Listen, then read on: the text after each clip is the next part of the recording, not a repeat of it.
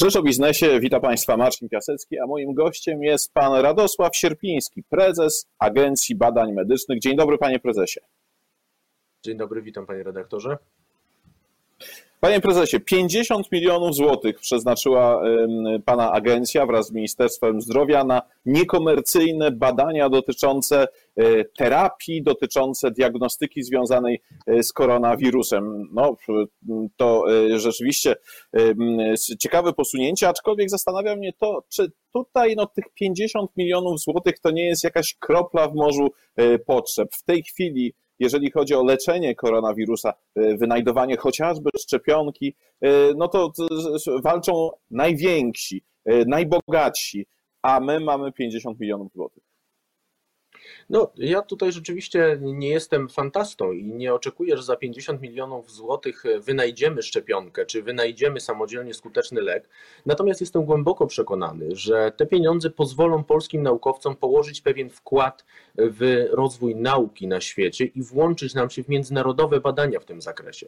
E, to jest trochę tak jak misja na Marsa, gdzie wysyłaliśmy łazik Curiosity i jedna z jego części, jakaś lupa, jakieś kółko zostało wykonane w Polsce i bazując na polskiej myśli technicznej. Ja chciałbym, żeby w tym wypadku było podobnie, bo być może okaże się, że któryś z efektów, które osiągniemy, będzie podwaliną, częścią e, być może dla szczepionki, a być może dla skutecznego leku.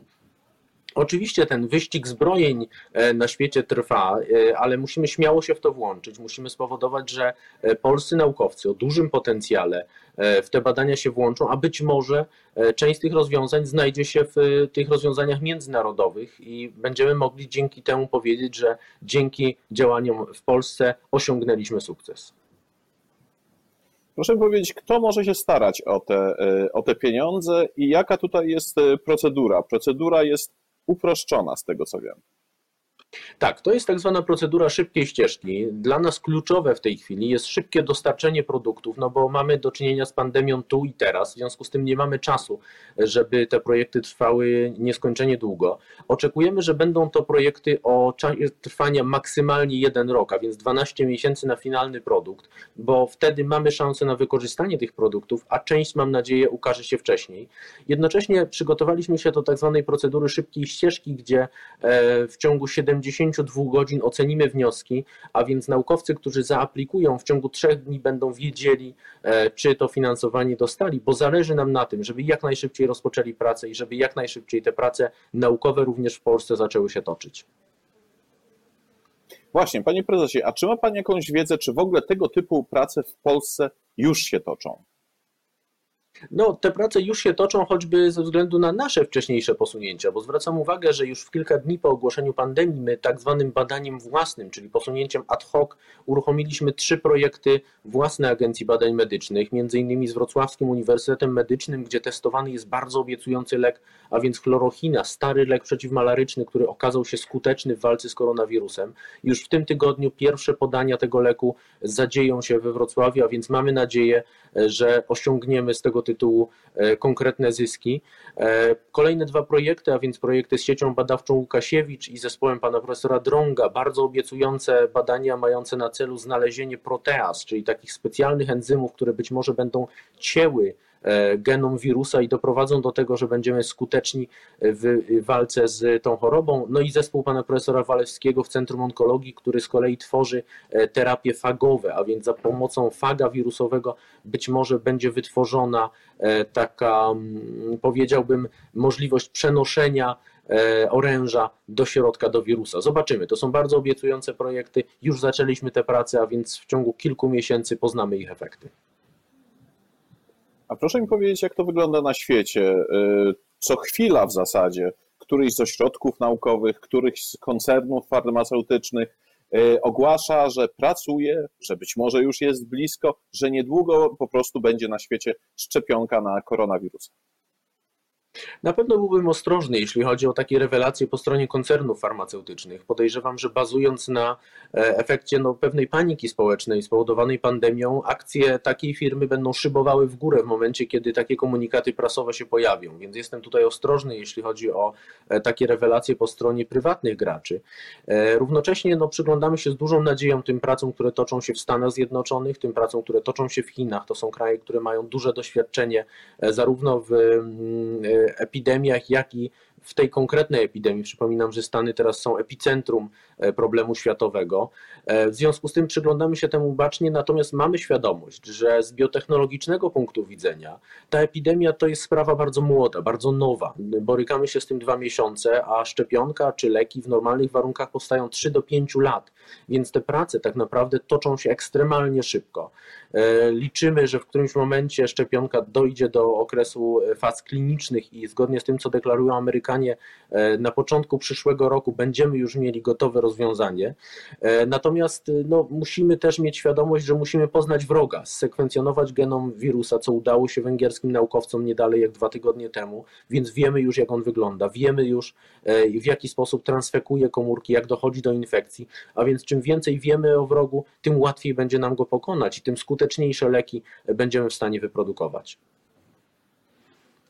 Właśnie, użył Pan określenia skuteczne leki, ale czy to nie jest tak, że w momencie, kiedy powstanie szczepionka na obecnego w tej chwili e, i dziesiątkującego świat koronawirusa, e, okaże się, że no, straci ona trochę aktualność, gdyż na przykład kolejna e, faza epidemii, oby do niej nie doszło, będzie już rozprzestrzeniała się poprzez wirusa innego typu, zmutowanego, po prostu innego. Zwracam uwagę, że, znaczy to jest słuszne, bo, ale zwracam uwagę, że mm, taką samą sytuację mamy w grypie. W momencie, kiedy mamy taką szczepionkę bazową, czyli taką, gdzie wiemy, co robimy, wiemy, jak wyglądają białka wirusa, e, wiemy, jak wygląda wróg, z którym walczymy, to jesteśmy w stanie E, aktualizować, że tak powiem, e, ten skład szczepionki w zależności od mutacji wirusa. I pewnie tak będzie, że wirus zmutuje, on już mutuje. Na Islandii mówi się, że kilkadziesiąt różnych podtypów tego wirusa tak naprawdę atakuje różne osoby. E, natomiast jeżeli wytworzymy taką strukturę bazową szczepionki, to będziemy w stanie podstawiać już odpowiednie podtypy wirusa i w bardzo krótkim czasie dostosowywać się do mutacji. A naszą rolą jako naukowców jest zawsze wyprzedzać tego wirusa o jeden krok. Na razie jesteśmy jeden krok albo nawet dwa kroki za nim, e, no ale na pewno zmniejszamy ten dystans i te prace światowe, które się toczą i również wielomiliardowe nakłady e, doprowadzają nas do tego, że będziemy go wyprzedzać. E, jeżeli posiądziemy taką wiedzę, jeżeli stworzymy szczepionkę, to niewątpliwie będziemy w stanie w szybkim tempie aktualizować ją, podstawiać tam konkretne białka, no i doprowadzimy do tego, że wreszcie ta epidemia się skończy a jednocześnie koncerny farmaceutyczne, o których rozmawialiśmy przez chwilę, deklarują, że w momencie, kiedy zaczną produkować szczepionkę e, na koronawirusa, e, e, nie będą na niej zarabiać. To znaczy, nie chcą, deklarują przynajmniej, że nie chcą tutaj zbijać kolejnych miliardów, czy to euro, czy to dolarów, po prostu robią to dla dobra wspólnego. Jak należy podchodzić do tego typu deklaracji? No, ja na pewno y, patrzyłbym na to z dużą rezerwą. Jednocześnie y, sam jestem optymistą, jeżeli chodzi o kontakty z y, dużymi koncernami farmaceutycznymi. Pamiętajmy, że to są tak olbrzymie firmy, które mają PKB porównywalne z wartość porównywalną z PKB Republiki Czeskiej. A więc mówimy o tak naprawdę korporacjach na poziomie państw. Więc zarówno moc naukowa, jak i e, wartość innowacyjna tych przedsiębiorstw może być gigantyczna i nie przekreślałbym możliwości, że efekt pod postacią skutecznej szczepionki czy leku powstanie właśnie w e, którymś z koncernów farmaceutycznych. Myślę, że wszyscy na to bardzo liczymy.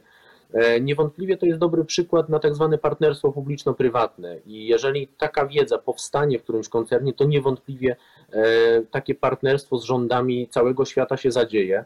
Ja byłbym ostrożny, jeżeli chodzi o wiarę w te deklaracje, że y, otrzymamy coś za darmo i ten koncern w ramach altruizmu społecznego będzie nam e, tą szczepionkę darował, bo jakby koncerny są firmami działającymi na polu biznesowym i ich nadrzędnym celem jest przynoszenie zysku.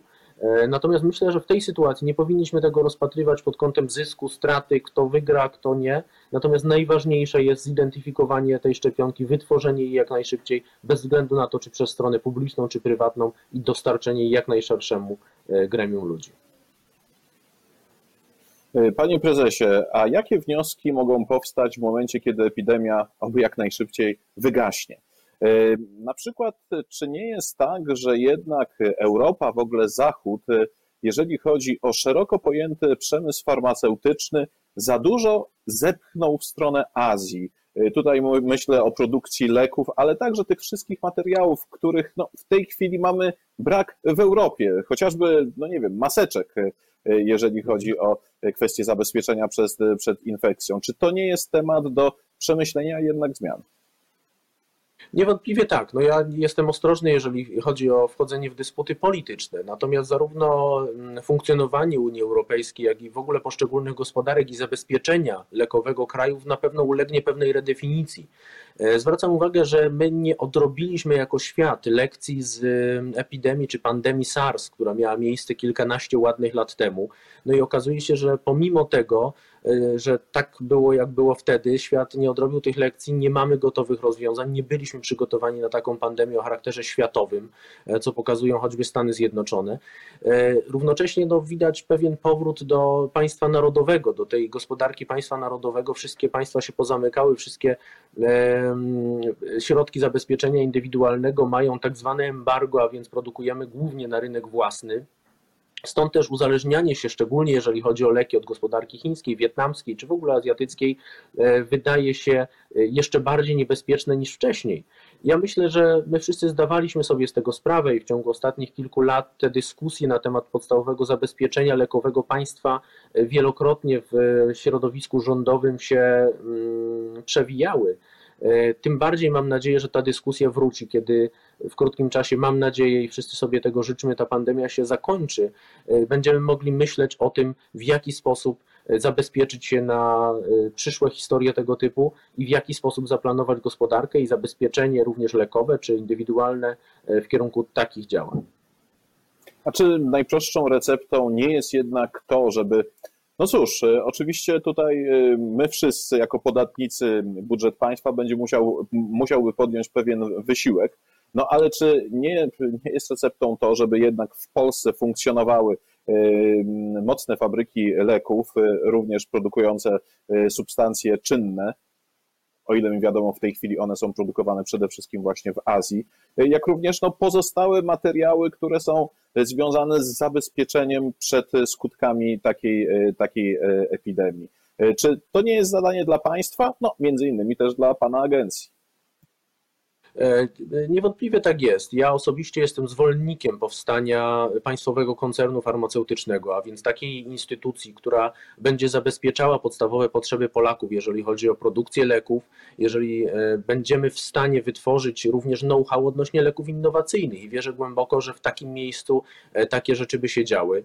Jestem pewien, że rządzący, że decydenci również są tego świadomi i niewątpliwie ten przemysł znajdzie się w centrum zainteresowania jeżeli chodzi o odbicie gospodarcze, ale również pewną odpowiedzialność społeczną, które rządy różnych państw muszą e, podjąć. E, ta sytuacja, która wydarzyła się teraz, pokazuje, jak bardzo to jest potrzebne i jak bardzo wartościowy jest e, ten biznes. Ja ostatnio słuchając amerykańskich telewizji spotkałem się z takim określeniem, kiedy zapytano jednego z czołowych epidemiologów, ile warta jest w tej chwili szczepionka na koronawirusa. Odpowiedź jest bardzo krótka, jest warta wszystko. E, więc każde pieniądze, które moglibyśmy wydatkować, myślę, że każde państwo dzisiaj by wydatkowało po to, żeby e, pozbyć się tego dramatycznego obrazu pandemii, z którym mamy do czynienia, czy w Europie, czy, czy w Stanach Zjednoczonych. A więc to pokazuje potrzebę takiej inwestycji i przygotowywanie się na to długofalowo. E, mam nadzieję, że wspólnie z mm, przedstawicieli rządu i właściwych ministerstw będziemy mogli uczestniczyć w takim procesie i głęboko wierzę, że w Polsce również to się zadzieje. Natomiast no, zwracam uwagę, że ostatnie kilka lat, kiedy poprzednia ekipa rządząca wyprzedawała majątek również należący do Polfy, a więc polskich zakładów farmaceutycznych, no, pozbywaliśmy się świadomie tego majątku i dzisiaj zostaliśmy właściwie z jedną fabryką pod postacią Polfy Tarchomin w bardzo trudnym okresie, która dopiero powoli przechodzi restrukturyzację i jest dofinansowywana. Panie prezesie, i na koniec zapytam, w którym miejscu epidemii Pana zdaniem jesteśmy? E, myślę, że jesteśmy e, jeszcze przed tymi najtrudniejszym czasem. Jesteśmy na pewno przed pikiem zachorowań. E, pan minister Szumowski i ja również mamy okazję przyglądać się tym modelom, które po stronie rządowej powstają i niewątpliwie jeszcze przed nami jest ten trudny czas, kiedy będą wzrastać zachorowania, więc jeszcze kilka przynajmniej tygodni bardzo intensywnego wysiłku po stronie obywateli, jeżeli chodzi o zachowanie e, zasad bezpieczeństwa, zasad sanitarnych, zasad izolacji e, przed nami. Natomiast mam nadzieję, że jako państwo damy sobie z tym radę, że odpowiedzialni obywatele polscy pozostaną w domach i będziemy mogli wraz z nadejściem lata świętować zakończenie pandemii. Bardzo dziękuję za rozmowę. Gościem dzisiejszej Rzeczy o Biznesie był pan Radosław Sierpiński, prezes Agencji Badań Medycznych. Bardzo dziękuję. Dziękuję bardzo.